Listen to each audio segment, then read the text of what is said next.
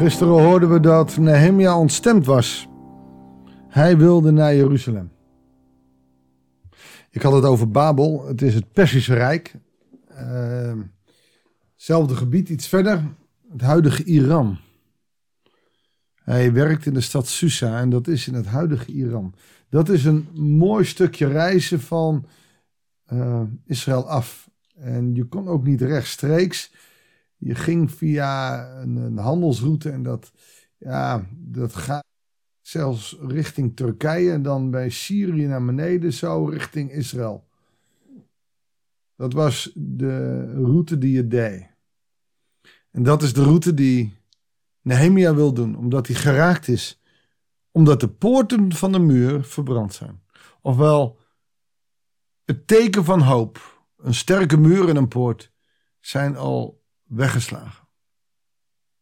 Zo komen we in Nehemia 2, vers 1 tot en met 11. Het was in de maand Nissan, in de twintigste regeringsjaar van Artaxerxes. De wijn stond op tafel. Ik nam de wijn en bood die de koning aan. Nooit eerder had ik me in zijn bijzijn somber getoond. Dus Nehemia was altijd opgewekt. Maar nu zei hij, waarom kijk je zo somber? Je bent toch niet ziek? Er is vast iets wat je dwars zit. En ik schrok hevig. Hij is dus in gedachten verzonken. Hij zit bij de poorten van Jeruzalem, bij de muren. Zijn stad, zijn geboortegrond. Het is kapot gemaakt. Ik schrok hevig en zei: Majesteit, leven in eeuwigheid. Het gaat hier om de Persische koning Artaxerxes Xerxes, uh, in Susa, dus in dat Iraanse gedeelte. Majesteit, leven in eeuwigheid. Hoe zou ik niet somber zijn als de stad waar mijn voorouders begraven zijn, is verwoest en naar poorten in vlammen zijn opgegaan? Wat is dan de wens? vroeg de koning. Het is verwonderlijk dat de koning van Perzië hier met zijn schenker, want dat hebben we al gelezen, dat, is, dat, dat hij schenker was. Dus hij regelde de wijn en schonk die ook in en was ook verantwoordelijk voor de goede wijn. Uh, hij had dus een hoge positie als Jood. Nou, als het de koning goed dunkt en als u het mij uw dienaar toestaat, zend mij dan naar Juda om de stad te herbouwen waar mijn voorouders begraven liggen. De koning, met zijn lievelingsvrouw aan zijn zijde, wilde weten hoe lang mijn reis zou duren wanneer ik terug zou keren. Dit zegt iets over het feit dat hij kwalitatief werk levert. ja, een schenker, deze koning heeft elke dag goede wijn. En hij wil hem wel wegsturen, maar hij wil wel dat hij terugkomt. Dat, dat zijn complimenten. En nadat ik de koning een tijdstip had genoemd, wilde hij mijn verzoek om te vertrekken in. Of willigde hij in.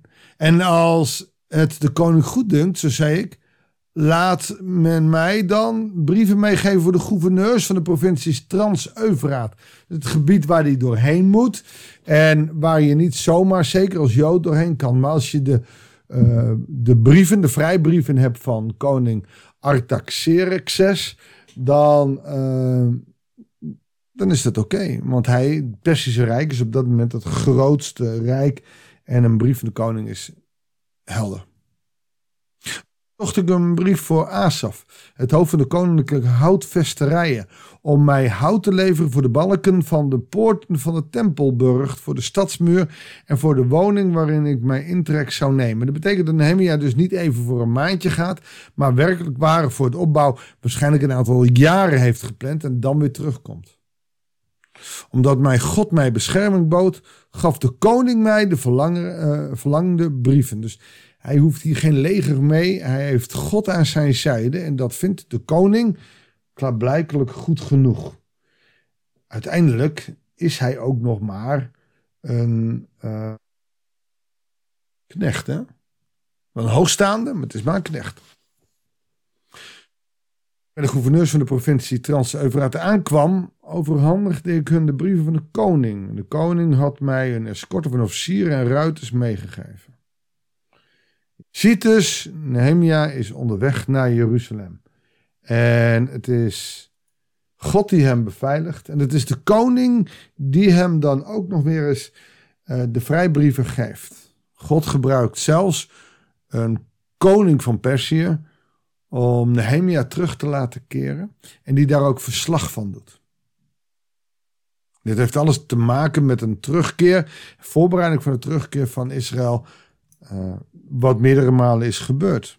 En wat op dit moment ook best weer gaande is. Er zijn heel veel Joden die op dit moment bezig zijn om te plannen of ook, ook daadwerkelijk te gaan om terug te gaan naar Israël. Om zo de profetieën gaande de Messias uit te laten komen. Uh, hij verzamelt zijn volken op de berg en ze zullen in Israël komen en daar weer verenigd worden. De vraag is even natuurlijk of je het zelf kan uh, orderen door uh, je, hoe heet het, uh, daar zelf heen te laten gaan. Of dat, dat het godstijd is. Je moet het aan God overlaten. Maar ze zijn wel bezig om, uh, nou, ze hebben de spullen voor de nieuwe tempel ook klaar.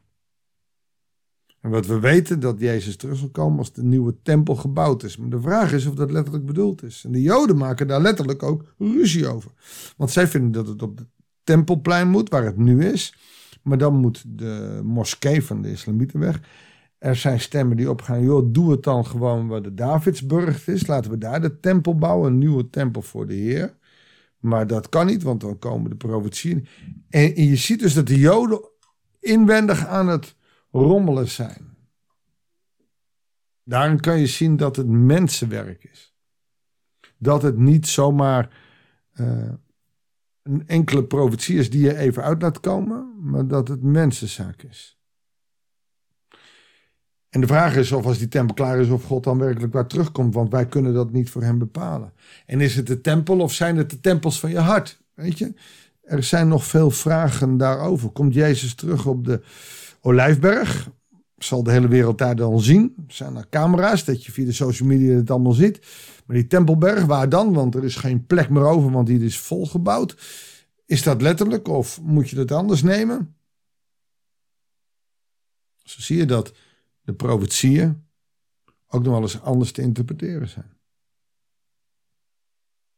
Maar hier zie je dus een begin van de terugkeer van Israël in de tijd die uh, aangegeven is, ook uh, gisteren, uh, in de maand Kislev in het twintigste jaar. Nou, de theologen kunnen het uitrekenen, dus ongeveer 500 jaar voor Christus, als ik het goed heb. Is niet zo belangrijk op dit moment, maar de terugkeer moet wel zijn, want als Jezus straks in Bethlehem geboren wordt, dan moet het, Israël, uh, het Joodse volk weer in Israël zijn. Dus, dus wil je het Nieuwe Testament uit kunnen laten komen, moet die terugkeer zijn. Nehemia is een van die terugkeren die het belangrijk, uh, die het voor elkaar maakt om, om Israël weer op te bouwen. En dat begint bij de muur en de poorten. Echter, niets zonder tegenstand. Want toen Sanballat uit Bet Gorom en Tobia, zijn Ammonitische dienaar, hoorden dat er iemand was gekomen die het welzijn van de Israëlieten wilde bevorderen, waren ze hierover zeer ontstemd. Waarom? Dit zijn omliggende landen, de Ammonieten, de Hethieten, de, uh, al die volken die al een paar keer veroverd zijn, maar die nu uh, Israël met rust lieten. En het wel prettig vonden dat Israël uh, legerroof was, dat er maar een klein groepje zat. En we moesten dat vooral niet gaan opbouwen, want de Joden die sterk zijn, ja, dat maakt toch wel even een feit dat het ja, ingewikkeld is. Dus die, die God van de Joden is namelijk bedreigend, ook voor jou. En hoe ga je daarmee om? Ze schrikken. En ze zijn ontstemd, ze willen dat niet. Uh, de vraag is of ze dat tegen kunnen houden. Want ze hebben niet alleen maar met Nehemia en een paar soldaten te maken. Ze hebben met God te maken. En je ziet dat God Nehemia voorbereidt om, uh, om dit werkelijk waar te gaan doen. Hij gaat bouwen. Wie? geen theoloog, geen timmerman, maar een schenker. God wegen zijn ondergrondelijk. En dat vind ik een mooie afsluiter. Zullen we daarmee beginnen in ons gebed. Heere God, uw wegen zijn ondergrondelijk. U kunt elektromonteurs, vuilnismannen. U kunt dominees en advocaten. U kunt huisvrouwen. U kunt moeders, vaders, donkere, lichte. U kunt Europeanen, Aziaten, Amerikanen of wat dan even. U kunt ze gebruiken. Wie we ook zijn voor uw koninkrijk. U kunt ook ons gebruiken. En u wilt ons gebruiken. Net als deze wijnschenker die de muren van Jeruzalem wil gaan opbouwen. Daar is hij niet voor opgeleid, maar eh, u heeft niks met onze opleiding te maken. U kan ons roepen, u wil ons gebruiken. Heer, en zo willen wij ook openstaan in deze tijd. Wil ons gebruiken, Heere God, in het bouwen van uw koninkrijk ook in deze tijd. Help ons om dat inzicht ook te krijgen en uw roeping te verstaan. Door de kracht van uw geest. Dat bidden wij in Jezus' naam. Amen. Heb je een roeping? Volg hem dan. Steek je kop niet in het zand, maar luister naar de Allerhoogste. Vol ontzag en hij zal voor je zorgen. Ik wens je een goed weekend en doe me lol. Lees, neem je even verder. Uh, maandag gaan we met hoofdstuk 3, vers 11 tot en met 21 verder. Dus lees alsjeblieft als je het wil blijven volgen. Hoofdstuk 2, vers 11 tot en met 20 en hoofdstuk 3, vers 1 tot en met 10. Het is maar een tip, gratis voor niks. Ik wens jou het allerbeste, goed weekend en heel graag tot de volgende uitzending van het Bijbelsdagboek.